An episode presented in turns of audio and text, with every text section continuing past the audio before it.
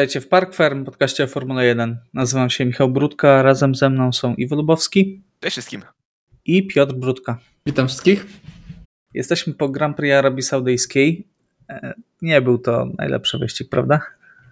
E, no nie, po fantastycznych kwalifikacjach otrzymaliśmy wyścig e, no, nudny. No nie ma co, nie, nie, nie ma co używać innego słowa. Znaczy, najgorsze w tym wszystkim jest to, że ten wyścig miał niesamowity potencjał na zostanie świetnym widowiskiem. Mieliśmy dramat Verstappena w e, kwalifikacjach, przez co startował z 15 miejsca. Mieliśmy Leclerca z karą, co też jest swoją drogą rekordem, jednym z rekordów. E, czyli mieliśmy dwóch kierowców, którzy mieli tempo na dużo lepsze niż ich pozycje e, i którzy wiedzą, że wiemy, że potrafią się ścigać. E, jednak nie zobaczyliśmy tej walki na dobrą sprawę w takim wymiarze, jak mogliśmy zobaczyć, bo zepsuł to wszystko safety car. Niestety. No, a wcześniej widzieliśmy na dobrą sprawę taką klasyczną mijankę D, na, pod, w strefach DRS w wykonaniu jednego i drugiego kierowcy. E, także no to nie było fenomenalne widowisko. No, też byłem szczerze powiedziawszy trochę zdziwiony tym, że Max Verstappen e, dosyć wolno na początku się przybijał przez tę stawkę. Przez te pierwsze dwa, trzy okrążenia miewał z tym trochę, e, trochę problemy. No ale potem jak e, został udostępniony system DRS, jak się nagrzały te opony twarde, to już e, szło mu o wiele, wiele lepiej, także no tak jak powiedziałem. No ale też tak nie szalał, to, to nie było spa z zeszłego roku. No nie, nie, nie było spa, no ale na dobrą sprawę. Y, na szczęście. Tu, tuż przed y, tym y, zjazdem, tuż przed wyjazdem samochodu bezpieczeństwa na tor, no to Max Verstappen już wyprzedzał Charlesa Leclerca na dobrą sprawę. Także też tutaj widzieliśmy, że no, to tempo nie było to tak spektakularne, nie było to aż tak szybko. Spodziewałem się, szczerze powiedziawszy, przed tym wyścigiem, przed tą niedzielą, że będzie to o wiele szyb, szyb, szybciej. No ale tak jak mówiłeś, ten niedorzeczny safety car naprawdę e, trochę nam e, zepsuł to widowisko, bo mogło się dziać. No, mogło, mogliśmy mieć parę ciekawych walk, mogliśmy mieć e, parę tej pojedynków, a e, ten samochód bezpieczeństwa sprawił, że no, wszyscy zaczęli jechać praktycznie na tą samą strategię i e, no i jechali sobie no, do końca w dużej mierze. No to był największy problem, tak, że mieliśmy jednak Leclerca na softach, mieliśmy Hamiltona na hardach, mieliśmy resztę na mediumach, więc była, był ten ten potencjał tak, na to, żeby te strategie się mieszały, e, na jakieś podcięcia i tak dalej, i tak dalej, bo jednak sporo bolidów jechało blisko siebie. E, tylko na dobrą sprawę Perez odjechał na początku, tak? Znaczy na początku, w drugiej fazie pierwszego stintu. E, reszta naprawdę jechała całkiem blisko siebie i był potencjał na to, żeby coś tam pomieszać, popróbować. Ferrari zjechało wcześniej i po, po raz kolejny, no nie była to ich wina, prawda?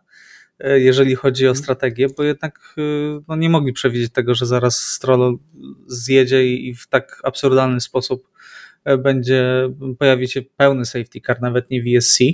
Ja tutaj za strategię, sorry, że ci przerwę, za strategię tak? chciałbym pochwalić Ferrari, bo oni po pierwsze zmylili Astona, Mhm. Bo o, tak. Y, wezwali, y, bo wzywali tam Carlosa Sainza niby na podcięcie, zjechał na początku od razu yy, Lance Stroll i co się okazało, to było właśnie taka podpucha, także yy, tutaj brawo i co za tym idzie, to był naprawdę dobry zabieg, bo zarówno po wyjeździe zarówno Carlos Sainz znalazł się przed Lancem Strollem, jak i Charles Leclerc, także tutaj naprawdę Obydwa Ferrari strategicznie e, ograły e, Astona, także tutaj pod tym względem naprawdę brawo, no ale to, że e, zaraz potem pojawił się samochód bezpieczeństwa, no to to nie była ich wina, no i no i ciężko coś powiedzieć tutaj.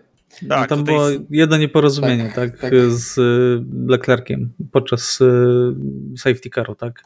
Ale tak... stracił pozycję, ale i tak by na dobrą sprawę stracił, szczerze powiedziawszy. Nie mogło być za dobre strategicznie, także... E... Nie, nie było w topie, nie było grande strategii. Tak nie, w, top, w, top, w topie nie było, e, ale no przede wszystkim, tak jak po Bahrajnie liczyłem na samochód bezpieczeństwa, że był atrakcyjny wyścig pod koniec może trochę, E, tak, tutaj spodziewałem się, że będzie samochód bezpieczeństwa, w końcu stała Arabia Saudyjska, tylko faktycznie w niefortunnym momencie się pojawił. E, w momencie, kiedy faktycznie jeszcze mogliśmy oglądać akcję. E, natomiast się pojawił to 15 okrążeń później, tak? Tak, do, nie, dokładnie, masz rację, masz rację. No raz, że tutaj no, e, ten samochód bezpieczeństwa no, już zagwarantował Maxowi taką no, łatwe P2, definitywnie łatwe P2. E, dwa, no przez niego no po nim, o inaczej, po nim przez tą wspólną strategię, o której wcześniej powiedzieliście, e, u reszty kierowców, e, no nie działo się po prostu nic. Ja byłem w głębokim szoku, że ani Ferrari, ani Mercedes jakby nie robiły, no każdy samochód jechał swoim tempem przez cały ten wyścig i jakby nie, nie działo się nic oprócz głębokiego midfieldu. Tak, y, był taki moment, gdzie najbardziej się ekscytowaliśmy walką o 15 miejsce. Dokładnie tak. A to nie świadczy dobrze o wyścigu. Z całym szacunkiem dla walczących o 15 miejsce. Bo to był całkiem niezły pojedynek. Tak, no praktycznie cała dziesiątka nam się ułożyła wedle zespołów. Mieliśmy dwa Red Bulle, później był Fernando Alonso, dwa Mercedesy, dwa Ferrari, dwa e, Alpine, także w pierwszej dziesiątce się naprawdę nic nie działo. No, zabetonowane strasznie to było, ale były takie smaczki, tak? Mieliśmy Sergio Pereza, który trzeba przyznać, pojechał naprawdę świetny weekend. Tak? Miał świetne tempo, miał świetne tempo przez cały wyścig. Mimo, że start trochę zawalił, jakby nie patrzeć, to jednak odzyskał pierwsze miejsce. E, później e, odjechał Fernando Alonso. Później po neutralizacji, która rok temu też przecież zabrała mu zwycięstwo w wyścigu, można powiedzieć, bo prowadził też bardzo pewnie. E, no, w tym drugim stincie, gdzie wydawało się, że a, Verstappen y, bo, znaczy zbił tą 20-sekundową stratę, którą przecież miał przed safety carem, to zaraz y, go po prostu sobie wyprzedzi tak i wygra sobie na spokojnie wyścig. No tak nie było. Perez tutaj nie pozwolił się zbliżyć Verstappenowi, tam przewaga chyba nie spadła poniżej 4 sekund. Także e. naprawdę świetny wyścig y, Czeko. Tak, Iwo? E, tak, tak, właśnie to chciałem powiedzieć, że cały czas ta przewaga wynosiła około 5 sekund. Faktycznie w stronę 4 gdzieś tam miała schodzić, natomiast kiedy Perez jakby, kiedy nie było zgody, teoretycznie zgody, w sensie nie było przekazywania informacji, informacji na temat e, najszybszego okrążenia, e, jeden i drugi kierowca przyspieszał e, tak naprawdę, to kiedy pozwolili Perezowi odkręcić już, e, można powiedzieć, e, silnik, e, w cudzysłowie oczywiście, widzieliśmy jak bardzo zaczął się oddalać od Maxa Verstappena, także mm. on też kontrolował wyścig po swojemu i tylko czekał, aż no, no, będzie mógł dać z siebie więcej. Także no fajnie, bo jest to jakiś prognostyk na ja jakby to się nie stanie. Ja jestem przekonany, że to się nie stanie. Ale no chyba, żebyśmy się ścigali na. Chyba, żebyśmy się ścigali na wiecznie na torach ulicznych w tak, nocy. Tak, ja chciałbym. Tylko takie wyścigi wygrywa na, Perez. Żeby to był jakiś prognostyk na, na, na ciekawą walkę między nimi, ale no, pomarzyć sobie możemy. Chociaż znaczy, też z drugiej strony Max Verstappen miał tam jakieś problemy techniczne, bo cały czas się tam skarżał na jakiś hałas e, w tylnej części swojego samochodu w trakcie w trakcie tego wyścigu. Też nie chcę umieszać to jakoś bardzo Sergio Perezowi, e, który też trzeba e, to zaznaczyć, że był bardzo przytomny w trakcie tego wyścigu, bo też wypytywał Red Bulla o tempo i za każdym razem, kiedy dostawał swój cel okrążenia, to dopytywał, jakie tempo, jakim tempem jedzie e, Max Verstappen. Mhm. I też właśnie był te, jeden taki moment, gdzie mu powiedzieli, że 33,6 e, bodajże plus 0,4 delta e, i zaczął dopytywać, z jakim tempem jedzie Max Verstappen i wtedy wyszło w rozmowie z inżynierem, że no jakby Czeko trzymał się tego tempa, to powoli, ale, ale jednak Max by się zbliżał do, do Czeko, także tutaj z jednej strony brawa, z drugiej strony e, to też pokazuje, że w Red Bullu coś jest nie tak. Że moim zdaniem ta atmosfera jest tam gęsta pomiędzy Sergio Perezem a, e, a Maxem Verstappenem. Znaczy wiesz, gęsta to już jest od końcówki zeszłego sezonu. Tak, tak? Tam tak, nie było jakiegoś przewietrzenia w trakcie zimowej przerwy i nawet Perez przecież mówił przed pierwszym wyścigiem, że jeżeli nie będzie dostawać odpowiedniej pomocy od zespołu, no to sami nie będzie dawać jeżeli przed pierwszym wyścigiem sezonu mówisz takie rzeczy, to znaczy, że nie jest najlepiej. Tak, no to też pokazuje właśnie, e, właśnie ta niepewność i to, że e, Sergio no nie ufa Red Bullowi, po prostu. To, to wyszło w tym wyścigu, on im nie ufa. On nie ufa, że jeśli on jest przed Maxem, to wtedy y, to on będzie dostawał pełne informacje, to on będzie dostawał takie cele, jeśli chodzi o czasy okrążeń, że y, te miejsca zostaną w takiej kolejności, w jakiej są. No, mamy drugi wyścig sezonu i tutaj naprawdę takie. Znaczy, nie podejrzewałbym Piotrek, bo z tego co wiem, Verstappen dostał podobne zalecenia. To, to, to nie było tak, że wiesz, mhm. On dostał 32,6 plus tam 40, tak, i, a Max sobie mógł jechać. Max też miał skręcić silnik, tylko że Max tego nie zrobił po prostu. Tak, zresztą no, właśnie o to chodzi, że, znaczy wiesz, chodzi mi tutaj... Tak z samo z, z tym szybkim strony, okrążeniem, że, tak?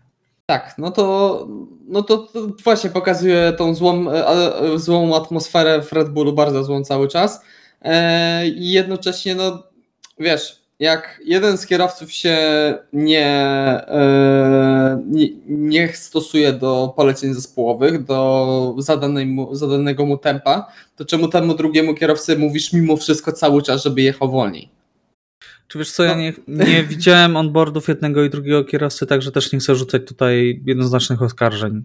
Ale myślę, że gdyby tak rzeczywiście było, to bardzo głośno by się o tym mówiło, a jednak się no nie mówi aż tak dużo o tym.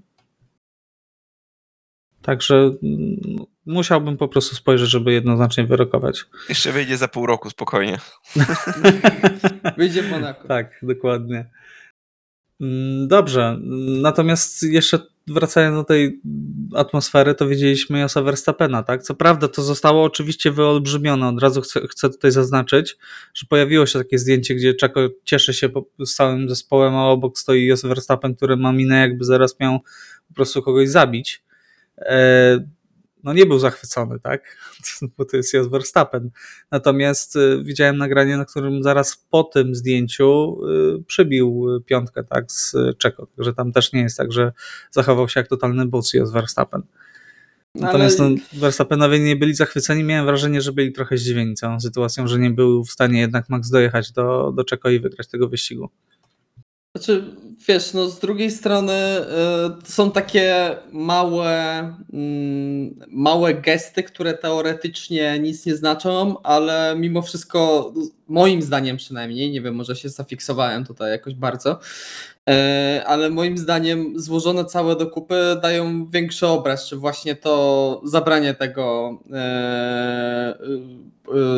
najszybszego okrążenia na sam koniec, potem nie zjechanie na prostą startową, tylko zjechanie do boksu. Tak, to mnie bardziej zdziwiło, bo najszybsze okrążenie, szczerze mówiąc, nie dziwimy w ogóle. Jakby myślę, że każdy mhm. kierowca by to zrobił, e, żeby zostać, żeby być pierwszym w tabeli, niezależnie od poleceń zespołowych. E, ale zjazd, na, zjazd do boksu, tak, to mnie akurat zdziwiło naprawdę. Po czym e, wejście na właśnie zjazd do boksu, następnie w cooldown roomie jak nie wiem, czy zwróciliście na to uwagę, czy nie, ale jak Max Verstappen usiadł na tym środkowym tak. miejscu przeznaczonym dla zwycięzcy, e, no. a było to miejsce. Znaczy wiesz, no wiadomo, no mógł sobie no, oj, tam po prostu sobie usiąść od tak, ale z drugiej strony to mi się troszeczkę, tak minimalnie, wiadomo, że zupełnie inny kaliber, ale troszkę mi się przypomniało e, Grand Prix USA, jak Lewis Hamilton rzucił czapką do Nico Rosberga e, z drugim miejscem. wiadomo, że o wiele mocniejszy kaliber tam był, ale to nadal... To mam wrażenie, Piotr, że podkreślasz trochę całą że, sytuację. Mam, mam, wrażenie, że się zafiksowałeś trochę, Piotr. Ale, ale chodzi mi o to, że te wszystkie rzeczy złożone razem do całości pokazuje, że tutaj naprawdę jest zgrzyt pomiędzy tą dwójką i wydaje mi się, że będzie coraz większy, bo mają dominujący samochód, nie ma co do tego jakiejkolwiek dyskusji, mają samochód najszybszy, no i mogą walczyć tylko ze sobą i myślę, że ten konflikt może tylko, tylko rosnąć. No, nikt nie będzie im mm, raczej Perezowi mówił, no ale musisz się tutaj poświęcić dla zespołu, bo obawiamy się Fernando Alonso. No, bądźmy poważni, tak? Nikt tego nie kupi. Więc tak, może jeżeli chodzi o walkę o mistrzostwo między trzema zespołami, to tego nie zobaczymy w tym roku. Tak jednak ten konflikt, który przecież rok temu nie istniał kompletnie i wydawało się, że o matko, będzie wszystko fantastycznie. Czeko, jaki ty jesteś fantastyczny, ile ja się od ciebie nauczyłem i tak dalej, i tak dalej, tak? A mhm. jednak upadło to jak domek z kart. i wygląda to zupełnie inaczej teraz, a przed nami jednak sporo ciekawych wyścigów, tak, na których też Czeko czuje się dobrze, tak. Niedługo mamy Azerbejdżan na przykład. O właśnie. Mhm. I dajmy na to, gdyby się wydarzyło, bo jednak Red Bull jest niesamowicie mocny, ale jednak awaryjny, bo było już kilka sytuacji, tak? E, związanych z e, jakimiś tam problemami, awariami, co i rusz jest coś zgłaszane, tak? Także może na tym polu trafić się jakiś wyścig. Ja oczywiście temu, tego Maxowi nie życzę, że nie dojedzie do mety i dajmy na to Perez odskakuje na tam kilkanaście punktów, Jestem ciekaw, jak wtedy by wyglądały relacje wewnątrz zespołu. No, presja na Verstappenie była na pewno bardzo duża, a no jeszcze z taką presją wewnątrz zespołu, kiedy walczysz o mistrzostwo, to też jest dla niego na pewno nowa sytuacja. Byłaby dla niego nowa sytuacja. Się w pełni zgodzę, chociaż już nie będę drążył tematu, jako że tutaj Piotr, Piotrek połączył kropki, słuchajcie, po prostu. Tak. Takie 5D wewnątrz Red Bulla, no. Znaczy nie, no bo to już w Red Bullu tyle razy było takich y, spin pomiędzy kierowcami wewnątrz, że że to się znowu Oj, dzieje tak. po prostu. Był y, Weber z y, Sebastian Vettel, był Sebastian Vettel, Daniel Ricciardo, był Daniel Ricciardo, Max Verstappen. Max Potem Max Verstappen miał spokój, nie? Potem Max Verstappen po prostu gnoił resztę swoich kolegów zespołowych i oni by, byli jeszcze bardziej gnojeni przez zespół i byli w efekcie wywalani z tego zespołu. Teraz w końcu Perez e, uniósł tę presję. E, no, no nie ma podjazdu, to, to, nie ma tutaj, on nie będzie w stanie walczyć jak równi z równym e, z Maxem Verstappenem. No nie ma, nie ma takiego tempa po prostu. Ale właśnie na niektórych pojedynczych obiektach no jest w stanie to zrobić. Dobrze, e, to może przejdźmy dalej, postawmy tutaj kropkę. Wiecie, kto nie połączył kropek e, w Grand Prix Arabii Saudyjskiej? My nie połączyliśmy, ponieważ w naszym typerze obstawiliśmy zwycięstwo Verstappena w kwalifikacjach i w wyścigu, e, a kierowcą dnia, zdaniem moim i Iwo, miał być Stroll, który miał dostać punkty za sympatię za tą historię z połamanymi rękoma, e, rękami, przepraszam. E, no, nikt już o tym nie pamięta. A zdaniem Piotrka kierowcą dnia zostałby Alonso. Nie trafiliśmy nic, także brawo dla nas. E, więc klasyfikacja się nie zmienia. E, prowadzi Piotrek, e, drugi jest Iwo, a trzeci jestem ja. Mamy 3, 2, 1 punktów i zobaczymy, może w Australii pójdzie nam lepiej. Natomiast wracając do rozmowy już o samym wyścigu, zostawiamy Red Bulla, przechodzimy dalej. Dalej był Aston Martin, który miał taki dosyć no, dziwny wyścig, tak? Bo z jednej strony mieli po raz kolejny te świetne tempo i sami byli zaskoczeni, bo ten tor jednak nie do końca miał im odpowiadać. E, natomiast mieli naprawdę tempo no, imponujące, tak? E, best of the rest, że, że tak się e, odważę powiedzieć, no bo jednak Red Bull w swojej lidze mm, no, mieli komfortową przewagę, tak? Zarówno w tempie kwalifikacyjnym, w kwalifikacjach wyprzedził ich e, Charles, natomiast w wyścigu no tutaj nie było podejścia za bardzo z tyłu do, do Fernanda Alonso, tak? Tak, tak, zgadza się. Tutaj przede wszystkim e, bardzo dobre kwalifikacje po raz kolejny od Fernando Alonso, jaki ogólnie cały weekend e, zapowiadał się już wyśmienicie.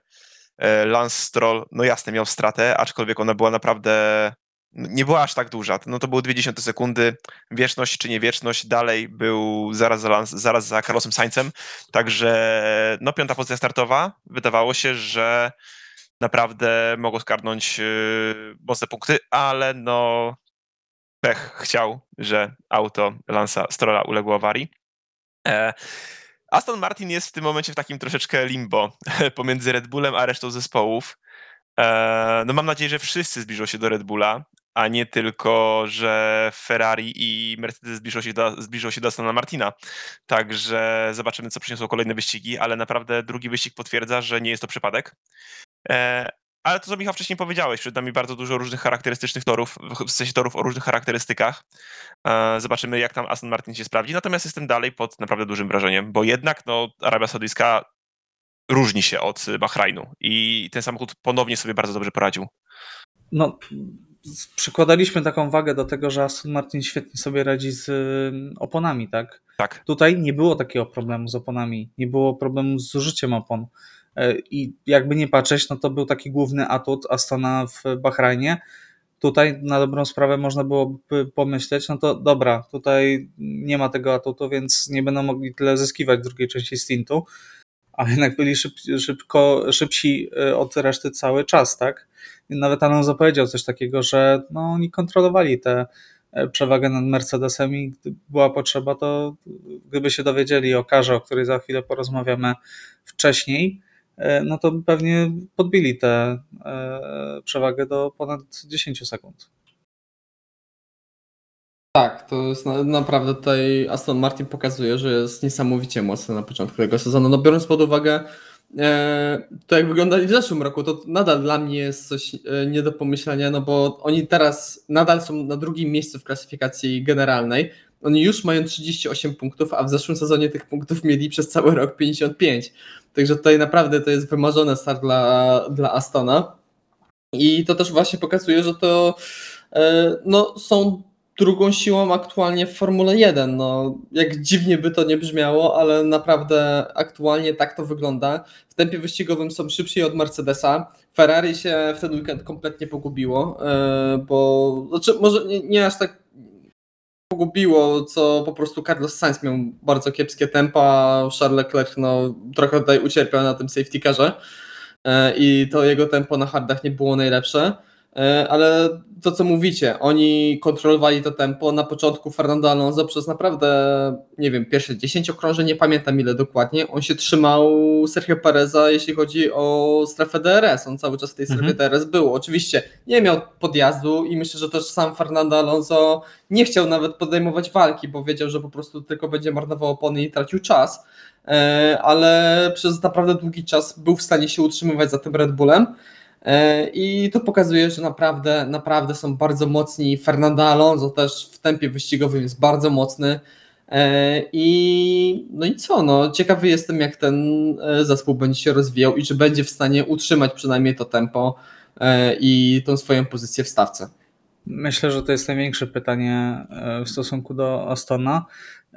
Zapytałem, w, zapytaliśmy Was, drodzy słuchacze, w ankiecie, czy w tym roku e, Aston Martin jest w stanie wygrać wyścig i e, wyniki są bardzo optymistyczne dla Astona, ponieważ mieliśmy 92% odpowiedzi na tak. Także tutaj no zdecydowanie stawiacie na to, że trafi się jakiś wyścig, przynajmniej jeden z tych 23, w którym Aston Martin wygra. Ja też, bym, na, ja, ja, też bym też stawiał? Tak, tak. tak. Też bym postawił. Mieliśmy zespoły, mieliśmy zespoły naprawdę z dolnej części środka stawki, które w ostatnich latach wygrywały wyścigi. W tym momencie Aston Martin będzie takim Ferrari z 2000... Kiedy on był taki wolny? No, w 20 możesz... roku? nie, no bez przesady, w 20 nie, tra- nie, ale szyb... Tak, a bardziej mi chodzi o to, mamy tak naprawdę najszybszy dominujący zespół w stawce, jak Mercedes wcześniej, mamy zespół, który jest na drugim miejscu. No jakby w końcu się zdarzy, że wygrają w końcu będzie podwójna awaria, w końcu będzie pech, w końcu będzie kolizja. Jakby, jak nie wygrają w tym roku, nie, dobra, nieważne, bo jeszcze nie wygrają. Ale szczerze wierzę, szczerze, szczerze wierzę, że wygrają wyścig w tym sezonie. No ja trzymam kciuki, tak. Piotrek Aktua... też pewnie za pewnego kierowcę z Hiszpanii. Tak, I będzie tak. to Lance Stroll. to byłoby w stylu Fernando Alonso z ostatnich lat. mieć świetny bolid i jednak jedyny wyścig wygrywa kolega z zespołu. Zostańcie. no dobrze, to pogadajmy na temat kary. Pierwszej i drugiej. Piotrek, co tam poszło nie tak z pierwszą karą? Pierwsza kara jest w pełni zasłużona e, dla Fernando Alonso. Fernando Alonso przyswaniakował. Po prostu. E, od tego sezonu mamy zmianę w regulaminie i e, są również e, są brane, ustawienie samochodu jest brane nie tylko e, jeśli chodzi o to, czy przekroczył tą przednią linię pola startowego, e, ale również bierzemy te boczne ścianki, powiedzmy le, po lewo i po prawo. Jak to wygląda? Y, ani żadne z kół nie może wystawać chociaż o milimetr poza te białe linie pola startowego. E, I na dobrą sprawę tutaj Alonso, co też widzieliśmy na onboardzie, e, Alonso po prostu chciał chyba trochę bardziej przycwaniakować, trochę się ustawić z lewej, albo, albo przestrzelił, co mi się trochę nie chce wierzyć, że taki doświadczony kierowca by popełnił taki e, banalny błąd, no ale nigdy nie wiadomo. Także tutaj kara w pełni zasłużona, jeśli chodzi o Fernando Alonso. Od tego sezonu tak to e, jest rozpatrywane. Są też tutaj znaki zapytania, bo też pojawiło się na Twitterze zdjęcia, e, że Valtteri Bottas i Yuki Tsunoda też są trochę, byli trochę ustawieni po boku i ich tylne koła wystawały poza pole startowe, ale nie ma ani jednego zdjęcia, które pokazuje przód bolidu. Także tutaj ciężko powiedzieć, czy, czy dla nich też się należała kara, czy się nie należała kara jedno jest pewne, Fernando Alonso na pewno tutaj przewinił i to 5 sekund mu się, e, mu się tutaj należało. No dobrze. Przechodzimy dalej. Fernando Alonso zjeżdża na pit stop. I jest coś, e, czego ja nie rozumiem, bo naprawdę ja nie jestem w stanie pojąć. Dlaczego? Wiem, znowu zaczynam, ale teoretycznie to jest naprawdę bardzo prosty przepis do napisania. Od, od, a jednak. A jednak. A jednak jest przepis, że mamy 15, że przez te pierwsze 5 sekund czy 10 sekund, te kary czasowe 5 i 10 sekundowe są, jak są e, e, są e, wykonywane podczas, podczas wyścigu, podczas, tak? podczas pit stopu, to przez te pierwsze 5 czy właśnie 10 sekund e, mechanicy nie mogą e, pracować przy e, przy bolidzie. No i właśnie, czym jest praca, panowie? Hmm. Czy pra... czym jest praca przy, poli, przy bolidzie? Czy na przykład tak, e, jak to wyglądało w Bahrajnie, że jeden z mechaników na 40 sekundy przed, e, za wcześnie zaczął odkręcać przednie skrzydło? No myślę, że wszyscy się zgodzimy tutaj, że tak. Ale czy podstawienie tylnego podnośnika w taki sposób, że on już dotyka tego bolidu, również jest pracą. No właśnie tutaj o to chodzi, że na początku sędziowie uznali, że to jest w sumie ok. Eee, zdalni stewardzi w Genewie, którzy byli, również uznali, że to jest ok. Po czym e, jak Mercedes złożył protest, i ja im się nie dziwię, bo. Normalna rzecz. To, to, to normalna rzecz. No, zobaczyli, że ej, no przecież dotknął bolidu. Ostatnio była za to kara. Yy, mamy te 5 sekund. Jak dostanie 10 sekund, no to mamy podium. Normalna sprawa. Yy, I nagle sędziowie uznali, że yy, po, w ogóle po przejechaniu ponad 30 okrążeń, że okej, okay, jednak da, dajemy tę karę. Yy, po czym Aston Martin wieczorem znalazł przez ten cały czas e, znalazł siedem innych nagrań, gdzie mechanicy również innych zespołów dotykali wcześniej podnośnikami bolidów i ani razu nie było tej kary. Ja naprawdę nie mam Czyli można jest... powiedzieć, że mamy teraz już oficjalne potwierdzenie, że można dotknąć podnośnikiem, natomiast nie, nie, nie można pracować. Bo, bo nie mamy żadnego potwierdzenia. Nie, bo, bo... Przed następnym wyścigiem FIA się zbierze i przedyskutuje jeszcze ten temat. Bo to jest najlepsze wytłumaczenie było takie, bo oficjalnie nie było żadnego porozumienia z zespołami, e, w jaki sposób to będzie interpretowane. No kurde. No ludzie kochani, no jak piszecie przepisy, to naprawdę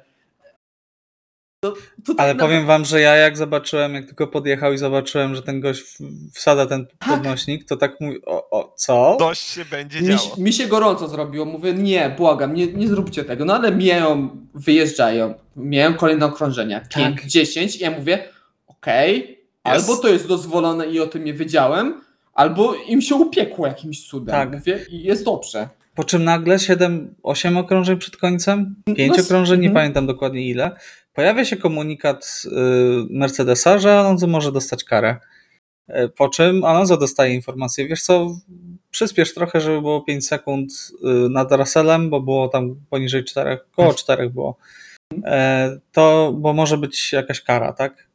No i przyspieszył, podbił ponad 5 sekund.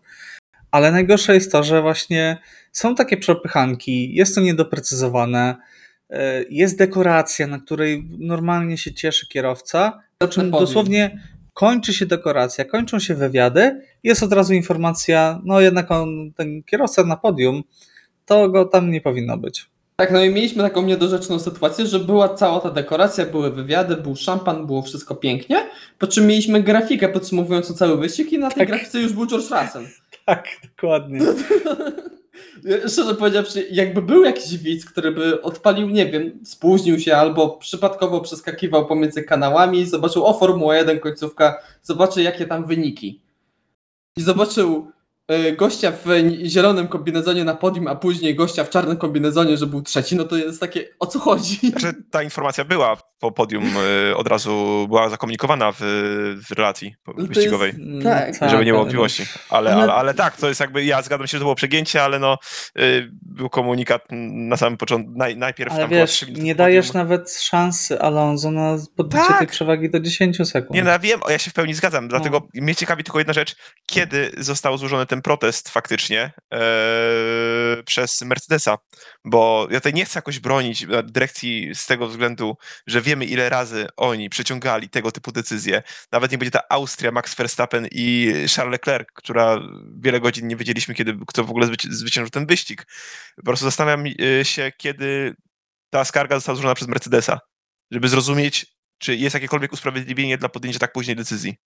Znaczy, jeszcze powiedziawszy, w tym momencie nie mam o tyle jakiegoś e, największego żalu nawet do sędziów, no bo skoro zarówno sędziowie na początku tutaj i jak i ten zespół zdalny powiedzmy w Genewie uznał to samo, że to, to jest w ramach przepisów takie jakie są, to okej, okay. ja bardziej mam tutaj żal i jestem e, jestem zdenerwowany na to, że przepisy są w taki sposób. No czemu przepi- yy, regulamin yy, sportowy jest tak niesamowicie dziurawy. Jak jednocześnie w tym samym sporcie mamy regulamin techniczny, który w wielu miejscach precyzuje o dosłownie milimetry, mikrometry. A tutaj myk. No, no Piotrek, życie pisze niesamowite scenariusze. Ale no, nie pracujemy nad bolidem przez 5 sekund. Naprawdę łatwo doprecyzować. No, widzisz, najwidoczniej nie. Teraz zostanie doprecyzowane. Teraz będzie doprecyzowane. Teraz tak samo co, lin, potem... linie przy wyjeździe z pit lane też zostały doprecyzowane. Ale... I nie ma już z tym problemu. Jeszcze tak z 20 lat i będzie najlepszy regulamin sportowy. A ja się tutaj nie zgodzę. Bo z liniami, jeśli chodzi o pitlane, w ten weekend też mieliśmy tutaj cyrk. E, pan Witiś dał e, dyrektywę przed e, tym wyścigiem, że linię do wjazdu do pit stopu i zarówno te już wewnątrz, tam jest taka zrobiona, namalowana szykana, żeby trochę spowolnić samochody, e, że wszystkie te przekroczenia tej linii będą tutaj ostrzeżenia się sypały i będą e, też za to kary. E, co też na dobrą sprawę ucierpiał na tym Logan Sargent, który leciutko najechał na linię na prostej startowej, by chciał sobie trochę, trochę skrócić, skrócić drogi i przez to w dużej mierze odpadł w Q1. E, ale w trakcie wyścigu do kierowcy sobie tam nieźle cieli ten wjazd do pit stopu. I cisza była na ten temat. Także no, po, po staremu, sędziowanie na 30% klasycznie. No dobrze, to może nie pasmy się dalej na sędziami. Sezon jest długi, na pewno jeszcze będzie wiele okazji. Porozmawiamy o Mercedesie, bo w Mercedesie była taka stypa, był nawet list do fanów przepraszający za to, że nie wygrywają każdego wyścigu w cuglach. E, jednak przyjechali na tor i nie wyglądało to tak źle, naprawdę. E, mieli całkiem przyzwoite tempo wyścigowe, mieli całkiem przyzwoite tempo kwalifikacyjne. No wiadomo, że dla Mercedesa pewnie to nie jest przyzwoite, natomiast nie był to aż tak zły weekend, jak y, mam wrażenie, że oni przedstawiają, tak? Walczyli o podium, stracili do tego podium mniej niż e, no, nieco ponad 5 sekund. Przez moment nawet na nim byli. Natomiast e, no jak skomentujecie tego Mercedesa? Czy jest naprawdę tak źle, jak oni mówią? Czy jednak to jest kwestia ambicji znaczy, wszystkich? Ja po tym wyścigu chciałem powiedzieć, że Mercedes właśnie bardzo w moich oczach zapunktował. I, i, i wydaje mi się, że progres został tutaj poczyniony.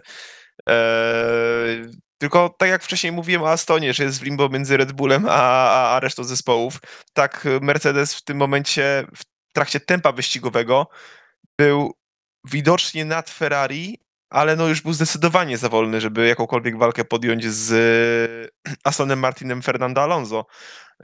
I w tym przypadku ciężko ich jednoznacznie ocenić.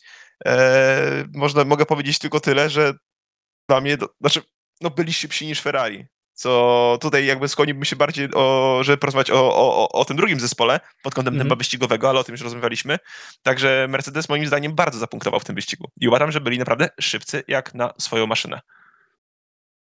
Szczególnie jeszcze warto pogratulować George'owi za tak samo dane kwalifikacje, no skończył na P4. Tak. E, tak, tak, na P4 już myślałem. I wyścig na P4 dokładnie, kwalifikacje na P4. Tak naprawdę bardzo udany wyścig no, dla, dla, dla George'a. Dokładnie. Piotrek? Tak, no na dobrą sprawę się zgodzę, że nie rozumiem. Mercedes bardzo często lubi tak e, wyolbrzymiać te swoje problemy. No, nadal są na trzecim miejscu, co prawda, ale mają tyle samo punktów co, e, e co Aston Martin. E, mieli dobre tempo, bo biorąc pod uwagę piątkowe symulacje wyścigowe, to oni byli za Ferrari, e, za Astonem. Wtedy w ogóle w tych piątkowych symulacjach wyścigowych to Ferrari było drugie najszybsze i to jakieś mhm. 20 przed Astonem. E, oni byli mniej więcej na równi, Mercedes był na równi mniej więcej z Astonem minimalnie za nimi. E, I na dobrą sprawę, no przyjechali bardzo dobry wyścig. E, no wiadomo, nie mieli tutaj za bardzo podjazdu do Astana Martina i myślę, że to ich najbardziej boli, że, sam, że zespół kliencki jeszcze, kliencki, tak, że zespół, który bierze od nich silnik, skrzynię biegów, tylne zawieszenie, e, że oni nie mają za bardzo podjazdu do nich, to to ich najbardziej boli. E, no i plus tam są trochę też e, tarcia wewnątrz zespołu, że po raz kolejny, drugi sezon z rzędu e, przestrzelili z tą koncepcją, a raczej nadal nie potrafią jej w pełni zrozumieć i wykrzesać z niej tego potencjału, który w niej drzemie. Także no ja myślę, że tutaj mm, nie powinni aż tak mówić, że jest tak źle. Tak samo jak Toto Wolf mówił po ostatnim wyścigu w Bahrajnie, że to był w ogóle jeden z najgorszych wyścigów w historii wyścigowej całej Mercedesa. E... Pamiętam gorsze. No tak. ja pamiętam wyścig w Le Mans, gdzie latały Mercedesy, także myślę, że to było o wiele gorsze. No już nie mówiąc o Mercedesie w 2010 roku, tak, 11, 12. Tak, albo Mercedesie, kiedy tam świętowali swoje na Hockenheim. No było tych różnych gorszych wyścigów. No, bez A tam jeszcze był Netflix na miejscu, specjalnie. Tak. tak. Także, także myślę, że bez przesady. Zobaczymy, bo też Toto Wolf mówi, że no jednak będzie zmiana koncepcji. E, I... Tak, i że możliwe, że zrobią swojego Red Bulla. Nie tak. wprost oczywiście to powiedział, tak? Mhm. No myślę, że teraz y, myślę, że teraz każdy będzie, no bo Formuła 1 w dużej mierze opiera się na kopiowaniu. No, ktoś trafia z najlepszą koncepcją na dane e, przepisy i później reszta od nich e, e, kopiuje i dorównuje do nich. To zawsze tak wygląda w tym sporcie, także myślę, że prędzej czy później, no niestety nas to czeka i Mercedes jako pierwszy z tej top 3 zarzuca swoją, e, swoją koncepcję, oryginalną koncepcję. Będę za nią tęsknił i idzie tutaj w stronę najprawdopodobniej e, Red Bulla. A co sądzicie o e, Lewisie Hamiltonie, który mówi, że obecny Red Bull jest najszybszym bolidem w historii i nigdy nie było takiej dominacji? 2014. No, dokładnie. 2020. Krótkie pytanie, krótka odpowiedź. 2015, e, kiedy wygrali kwalifikacje po prawie półtorej sekundy nad innym zespołem następnym. 2002 też był taki dominujący czerwony samochód wtedy. Tak. I Pogadamy po sezonie. Jeżeli 2009 wszystko, wszystkie wyścigi, to wtedy może będziemy inaczej rozmawiać. Na razie no, po dwóch wyścigach ciężko, ciężko. No ale widzisz, tak, jednak Lewis Hamilton mówi tak. No, Wyciąga takie Lewis... wnioski. A co mam mówić? Hamilton w ogóle po Bahrajnie miał y, se serię mocnych wypowiedzi, bo też, y, że były te wypowiedzi, że zespół się go nie słuchał i nie słuchał jego, y, jego sugestii i że on przez e, wiele lat jest w tym sporcie i e, wie, co czuje i, powie, i że jego sugestie i jego tutaj e, wskazówki nie były brane pod uwagę przez inżynierów. Ojej. Te, też po ja, wyścigu... się rozstał pojaw... przecież z fizjoterapeutką, tak, z którą przecież był tak. bardzo blisko związany. na swoją prośbę. No już się pojawiły jakieś plotki, że odejdzie z Mercedesa sfrustrowany. Mm. Po czym powiedział, że jeżeli odejdzie, to nie przez frustrację do innego zespołu. A przez a po wyścigu powiedział, że yy, no powraca temat hashtag nierówne bolidy. Aż Bo, tak? Aż tak. No, y, Lewis Hamilton powiedział, że gdyby miał ten sam setup, co miał George, to byłby w stanie wyjechać szybciej, a tak to mógł tylko dorównać do tempa George'a. Co ten Russell wyprawia? Powiedzcie mi w tej Formule 1. Zawsze jego przeciwnik ma nierówny bolid. Tak jest. To złe ustawienia, to jakieś części. Tutaj zawierają przednie skrzydło, jeżeli był szybszy. o co chodzi? I podłogi. nie mam pojęcia, ale George dookoła siebie ma jakąś dziwną atmosferę. Nie wiem, czy też tak, tak. macie wrażenie, że gdziekolwiek. To aura jest, takiego niepokoju.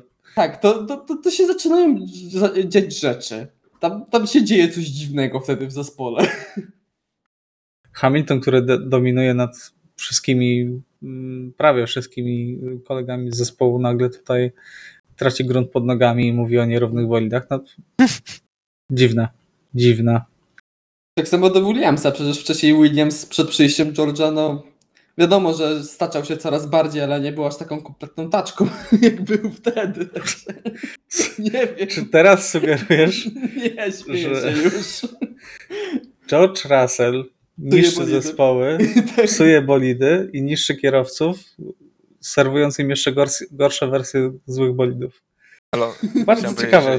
Je, je, jeszcze, jeszcze bardziej evil wersja Alonso. tak. E, dobrze, może wróćmy do rzeczywistości. E, porozmawiajmy o środku stawki. E, Alpin dobrze się zaprezentowało. Zgarnęło podwójne punkty i trochę to jest przykre, powiem wam, bo jednak z jednej strony chciałbym, żeby wszystkie zespoły biły się tutaj z przodu, z drugiej, jeżeli istnieje ten, istnieje teraz taki mocny podział, tak, do tej trójki, która była, doszusował Aston Martin i no, pozostałe zespoły muszą walczyć o to ósme miejsce, tak?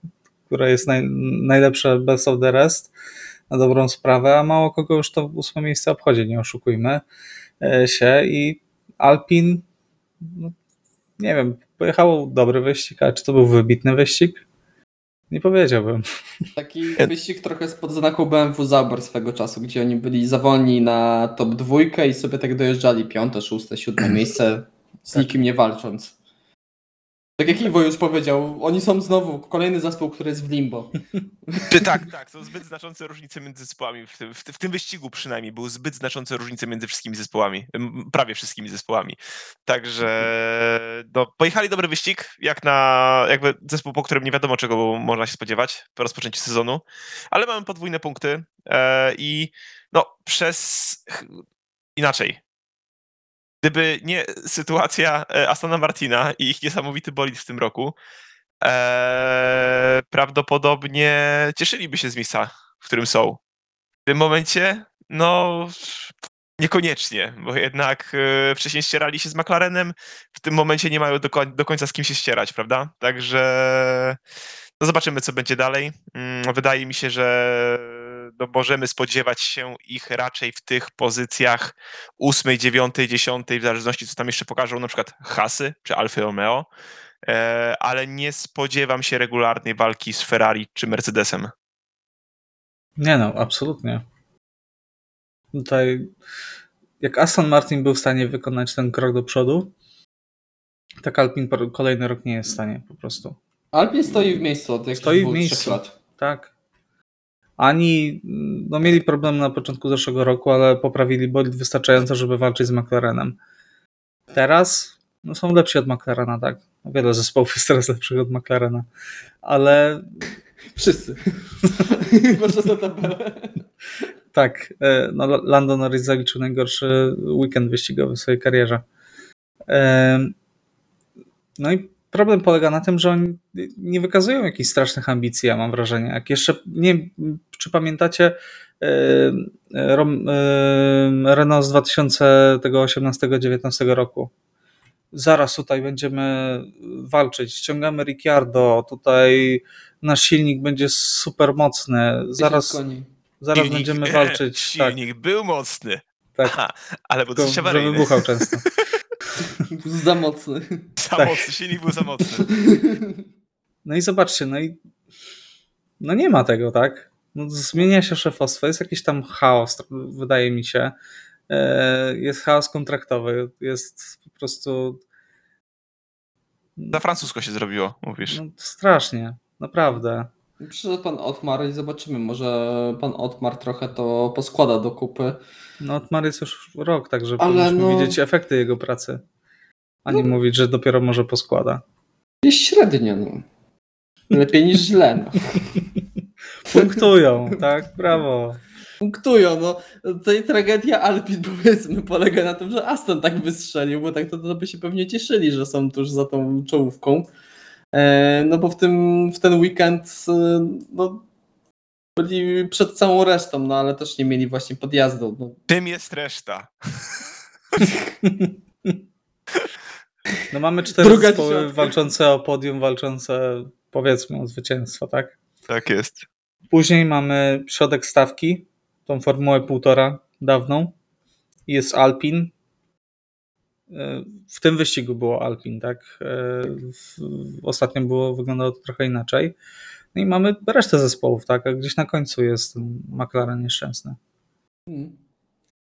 Tak, no, znaczy, przy czym jeszcze mamy zespół, który walczy o dublety. Który... Tak, dokładnie. E, No nie wygląda to najlepiej, słuchajcie, no. E, Jak jeszcze, y, jeżeli chciałbym kogoś tutaj wyróżnić na plus, to Piastri, który dostał się do Q3. Tak jest. E, Troszkę się pogubił na starcie, ale no to jego drugi wyścig, także Znaczy ja myślę, że nie tyle co się pogubił, co pojechał zbyt bezpiecznie. Bo strasznie ostrożnie Tak. jechał tam na starcie i no Gasly trochę złapał nad sterowności i urwał mu No kawałek tak. endplate'a. Gasly Strasznie tak ma czasami. No. Tak, Ale ga- to jest typowa sytuacja na wąskim stosunkowo początku Tak. toru, prawda, szczególnie ulicznego takiego, także W ogóle to pierwsze okrążenie to było podsumowanie McLaren, McLarena w tym, zespole, w tym roku, bo y, tak jak powiedzieliśmy, Gasly uszkodził przednie skrzydło y, y, Oscara. Piestrego. A wiecie w jaki sposób y, Lando Norris uszkodził swoje przednie skrzydło? Nie? Endplate Oscara Piastriego wleciał w. Lando Norrisa i zepsuł mu przednie skrzydło. To jest po prostu Ojejku. niebywałe. Po czym, po czym ten y, zjazd Lando Norrisa po medy na samym końcu safety cara, gdzie już praktycznie safety car miał zjeżdżać, to też był bardzo dziwny. Nie wiem, Tak. co, co, coś się trochę pogubił To- nam McLaren. No, już pojawiają się pierwsze informacje, że ten ogromny pakiet poprawek od Azerbejdżanu to już nie przyjedzie w całości, tylko część. Tak. Więc no, nie wygląda to kolorowo. A coś- Jak coś narzekali, coś tam przyjedzie. Zespół przyjedzie. No zobaczymy, co tam przywiozą ze sobą, tak? Może coś się uda wyprodukować. E, I plus dla mnie dla Kevina Magnusena. Fajna walka z Sunodą, pierwszy punkt dla Hasa. To też jest ważne, żeby e, te Mm. zespoły z końca stawki też e, punktowały. Szkoda mi Walteriego Bottasa. Jako jedyny kierowca został zdublowany w tym wyścigu. I to też był jego bodaj najgorsze miejsce w wyścigu w karierze. W wyścigu, w którym dojechał do mety. Tam, tam musiało być coś nie tak, bo ta strategia medy na hardy, na medy na softy.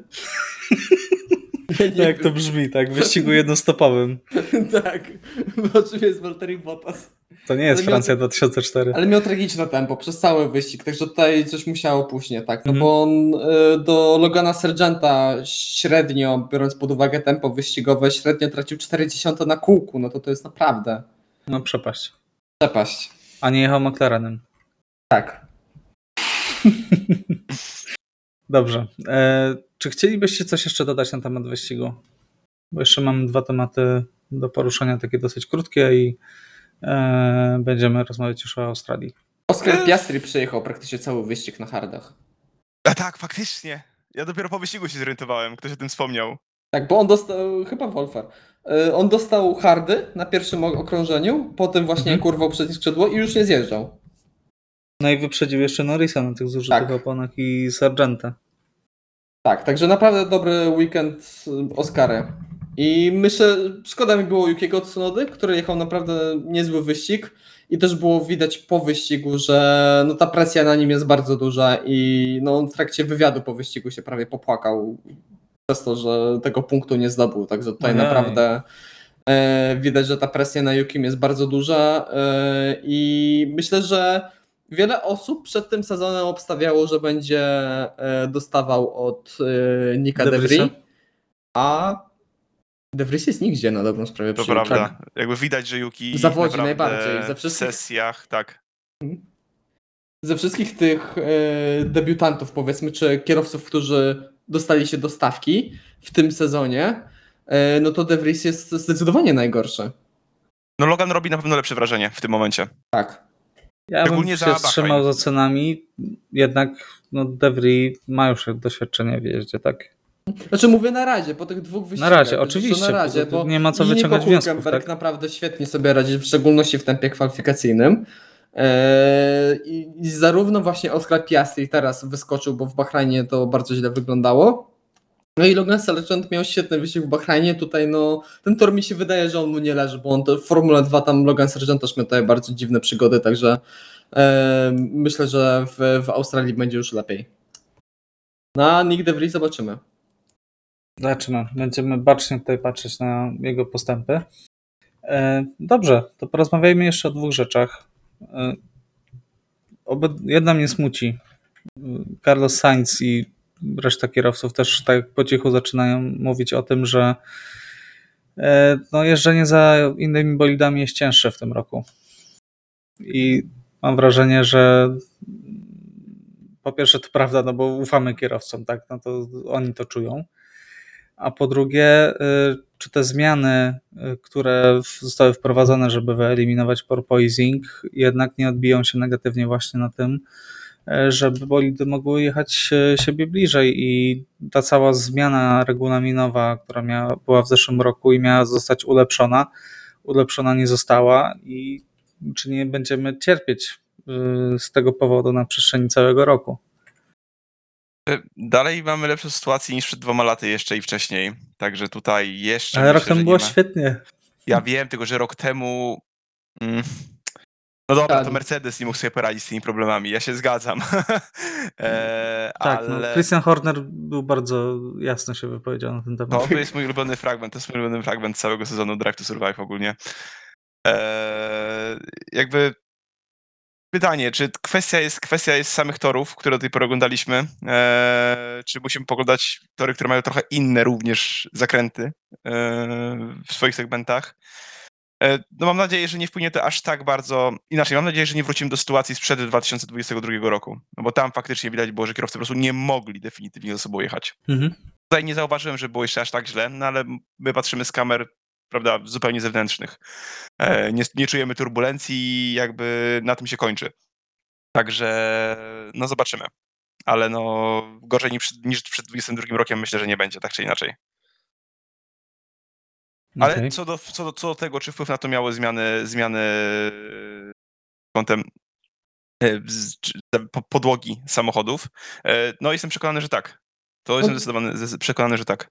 Tak, no mi się wydaje, no bo tak na, na dobrą sprawę, na prostą logikę, no y, podnieśliśmy samochody, czyli de facto z, zmniejszyliśmy docisk właśnie idący z podłogi, e, a jednocześnie bolidy są szybsze, no to naturalnym jest, że ten docisk znowu poszedł górą na dobrą sprawę, a to, że docisk idzie górą, no to y, tym efektem ubocznym jest właśnie to brudne powietrze i to, że jadąc za samochodem z przodu, no tracimy ten docisk i no jest to błędne koło, które znamy od wielu, wielu lat.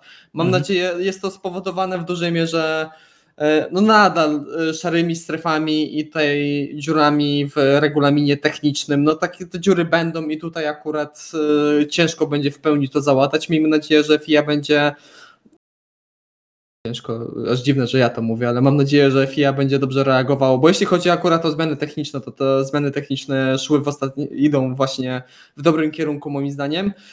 E, no i mam nadzieję właśnie, że będą reakcje i że będą, będzie łatany ten regulamin i dzięki temu będziemy oglądali lepsze, bliższe ściganie i e, ta tendencja, która jest aktualnie, o której właśnie mówią kierowcy, będzie zatrzymana i wręcz nawet przeciwnie, miejmy nadzieję, że będzie odwrócona i będzie jeszcze lepiej. Okay. Już się tak rozmarzyłem. Dobrze, to porozmawiamy o ostatnim temacie, który mamy na dzisiaj. E, tak krótko, bo już naprawdę prawie godzinę rozmawiamy. E, FIA ogłosiła przetarg dotyczący dostawcy opon od sezonu 2025. E, nie tylko na Formułę 1, ale też na serie towarzyszące. E, I moje pytanie do Was, bo tutaj nie ma co rozmawiać na ten temat, jakie te opony tutaj są szykowane, jakie są wymagania i tak dalej. Zapytam Was inaczej, jakie opony byście chcieli w Formule 1? Piotrek. Jakiego producenta? Nie tyle producenta, tylko jaką charakterystykę, tak? Takie, żeby kierowcy mogli cisnąć. Jak, jak to kiedyś wyglądało. Ale to chciałbyś mieć y, pancerne Bridgestone, które przejeżdżają cały wyścig? No właśnie to jest... Tak, ale z koniecznością zmiany mieszanki. No to będziesz miał bolidy, które na ostatnim okrążeniu będą zmieniać. A to nie. Nie wiem, no to tutaj ciężko to powiedzieć. No, nie wiem, ja nie ufam. Nie, bo jest bardzo łatwo, czas. bardzo łatwo jest narzekać na opony, tak? Tak, tak, ja, ja, ja rozumiem. Po prostu yy, ja nie ufam Pirelli, po prostu. Ja też pod tym względem. Nie, no bo, bo, bo po raz kolejny e, już mówię dlaczego. Weszli do Formuły 1 i pamiętamy, jak to wyglądało. Teraz już, już jest znacznie lepiej, ale co jakiś czas zdarzają się, że te opony w dziwnym, nie wiem, wybuchają. na którym torze wybuchają, rozwarstwiają się, jakieś różne e, problemy trapią te opony. I można powiedzieć, ok, to wina trochę FI, w dużej mierze FIA, bo w Pirelli w dużej mierze tak się tłumaczy, że no oni dostają takie wymagania na opony, to oni takie robią. A z drugiej strony e, od zeszłego roku e, również Pirelli weszło jako jedyny dostawca do WRC. I tam zarówno dostarczają do WRC 1, do, WRC, do samochodów Rally 1, do WRC 2 i nagle, jak przez lata był w miarę spokój w, w WRC z oponami, to nagle opony zaczęły się rozwarstwiać, nagle opony zaczęły wybuchać, nagle kierowcy ła, zaczęli łapać po 4-5 kapci na dobrą sprawę jednego dnia. Jeden kierowca. I nagle zaczął być problem z oponami, do takiego stopnia do, doszło, że e, Mats Osberg na przykład dostał karę od FIA, bo tak ostro się wypowiedział na koniec odcinka specjalnego o Pirelli. I kierowcy dostali odgórny zakaz e, krytykowania Pirelli w, w wywiadach. Także no, to, to mamy dwa, e, dwie różne kategorie motorsportowe, topowe i są praktycznie bardzo podobne problemy z tymi oponami i z tym dostawcą opon. Także Chciałbym zobaczyć kogoś nowego, bo to zawsze jakaś zmiana, zawsze będzie jakiś powiew świeżości. Czy lepszy? Nie wiem, ciężko mi powiedzieć. Mam nadzieję, że e, no, że, że, kierowcy będą mogli bardziej cisnąć. No to nadal wiadomo, że trzeba znaleźć jakiś balans, ale no lift ten coast cały czas no, nie jest jakiś e, najlepszy moim zdaniem. Okej, okay, Iwo. Piotr chce innego producenta niż Pirelli. To jest jego podstawowe wymaganie, żeby mogli cisnąć. Jakie są twoje? Znaczy, inaczej, jakby jeżeli, to nie musi być inny producent, jeżeli Pirelli e, samo będzie miało postanowione wymagania albo samo będzie miało możliwość nawet przedstawienia mieszanki opon, która faktycznie będzie trwalsza, E, nie tytanowa, prawda, bo to jednak e, chcemy mieć jak najwięcej aspektów strategicznych e, wyścigu, ale jest jakby w tym szerszym spektrum szerszym, z szerszym oknem jakby optymalnej pracy, żeby kierowcy nie musieli się martwić o to, czy mają cisnąć, czy mają jechać wolno, czy mają oszczędzać, czy, czy nie mają też oszczędzać. E, może wtedy w końcu zobaczylibyśmy Ferrari na jakichś wyższych pozycjach, ale, e, ale dla mnie ważniejsza jest trwałość mieszanki, jednocześnie, żeby nie zmusiła ona zmiany zasad pod kątem pit stopów, prawda? Żebyśmy nie mieli tutaj sytuacji z, z, z, z jakiegoś wyścigu w USA w 2005 roku. Także nie musi to być inny producent, e, ale mam nadzieję, że będą w stanie, mm, nie wiem, narobić portki w przypływie, w trakcie, w trakcie przypływu konkurentów z dobrymi e, realizacjami. Także zobaczymy, co się stanie.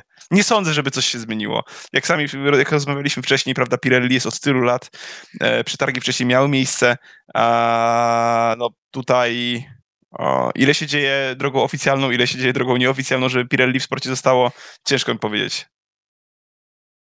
No dobrze. Ja się w pełni zgadzam. Chciałbym mieć opony, nieważne jakiego producenta. Y, może być nowe, może być Pirelli, natomiast opony o szerokim tutaj oknie działania, tak? Y, I trwałe, tak, żeby można było cisnąć. No bo wyścigi jednak często Robert Kubica to podkreśla, że Formuła 1 kiedyś polegała na tym, żeby przejechać 90, znaczy 90, przesadziłem, ale 50-60 okrążeń kwalifikacyjnych. No, teraz to jest zarządzanie oponami, tak, żeby nie wypadły z tego okna, żeby ich nie przegrzać, żeby na początku stintu nie pojechać za mocno, no bo wtedy się zużyją. No i nie jest to do końca zgodne ze ściganiem, tak? To paradoksalnie Kiedyś... nawet w, WEC, w Endurance tak nie ma. Tak. To jest w ogóle paradoks. E, dobrze, to może przejdźmy już do, e, do Australii. Mm, czego się spodziewacie oprócz porannego wstawania? E, mamy jednak trochę zmienioną nitkę. Jak myślicie, komu bardziej podpasuje? Także od razu też poproszę o typy. Iwo, może to zaczniesz dzisiaj. Eee, mi się wydaje, że to może być przez zmianę, przez usunięcie, usunięcie tej szykany. To już miało miejsce dwa lata temu, tak? Eee, czy rok temu? W zeszłym roku. Czy pierwszy, roku? pierwszy wyścig mieliśmy rok temu. No tak, faktycznie. W zeszłym roku dopiero pierwszy raz widzieliśmy ten tor w Nowej Nice. No moim zdaniem znowu może podpasować Astonowi, biorąc pod uwagę, że e, będziemy tam mieli więcej tych szybkich i, i powiedzmy tych średnich, nazwijmy to, zakrętów. E, także nie sądzę, żeby za dużo zmieniło się w ustawieniu tych aut. E, może trochę wyżej zapunktuje Ferrari e, w tym wyścigu. Ale lubię ten tor, lubię rano stawać na, na ten wyścig, natomiast już zostałem powiadomiony spokojnie obok, że muszę zrobić śniadanie na pewno przed wyścigiem, także zobaczymy, o której będę musiał wstać. Jak stawiam? Mm, w tym momencie a niech będzie, że na pole position stanie, na pole position stanie Sergio Perez wyścig wygra Max Verstappen, a kierowcą dnia zostanie kierowcą dnia zostanie Lance Stroll. Do no. dwóch razy sztuka. Wiernie. Tak, ja czekam. Dobrze, Piotrek? No ja myślę, że to jest taki wyścig ostatniej szansy, powiedzmy, dla Ferrari, żeby pokazać, że serio mają jakiekolwiek nadzieje na poprawie, poprawę w tym sezonie, bo to jeśli to tak będzie wyglądało jak przez ostatnie dwie rundy, no to tutaj będzie to bardzo bolesny, długi i ciężki dla nich sezon. E, myślę też, że Aston może być pomimo wszystko mocny e, w trakcie tego weekendu cały czas. Myślę, że to utrzymają. No, cały czas zespoły będą jechały tym samym pakietem, także tutaj e, nie będzie jakichś wielkich przetasowań. Wydaje mi się, że to będziemy oglądali coś bardziej przybliżonego rywalizacji w Bahrajnie. Myślę, że w sobotę wygra mm, Charles Leclerc. Zmienię coś. Stawiam w sobotę na Leclerca, w niedzielę na Maxa. E, a kierowcą dnia e, zostanie Oscar Piastri. Okej. Okay, Zdobędzie punkty u siebie. No, bardzo ciekawe. E, ja Australię zawsze lubiłem. Też dlatego, że właśnie wstawało się tak rano. Nie wiem, Piotrek, czy pamiętasz nasze oglądanie, kiedy Australia jeszcze nie była z samego rana, to ten 2008 rok, kiedy tak. trzeba było wstawać w pół do, chyba o czwarte się wyścig zaczynał, albo o piątej. I się budziliśmy kompletnie, tak, e, była kompletnie po prostu nieludzka ta godzina. E, później od 2009 roku się to poprawiło. E, no, ma to jakiś swój urok, tak? Zaczynasz śniadanie z Formułą 1 i kończy się ten wyścig przed dziewiątą i masz jeszcze całą niedzielę przed sobą. Ja stawiam na Maxa Verstappena w sobotę i w niedzielę, będę nudny. Muszę odrabiać punkty, sorry. Natomiast kierowcą dnia zostanie Hulkenberg, moim zdaniem. Zaskoczy jakoś pozytywnie. No nie będzie na podium oczywiście. No nie, nie, Cudów nie ma, tak? Nie, nie, nie, nie, nie. Dzielnie śrubuje y, ten, ten swój rekord Nico Hulkenberg i raczej się nie zanosi, żeby, e, żeby przerwał tę e, niesamowitą skądinąd serię. E, ale już tak, dokładnie. Nie, nie będziemy już złośliwi. Dziękujemy Wam bardzo za uwagę, jeżeli dotrwaliście do tego momentu. E, życzymy Wam e, udanego poranku z Grand Prix Australii, natomiast o, o Grand Prix Arabii Saudyjskiej rozmawiali Iwo Lubowski. Dzięki, do usłyszenia. Piotr Brudka. Dzięki, cześć. I Michał Brudka. Trzymajcie się, cześć.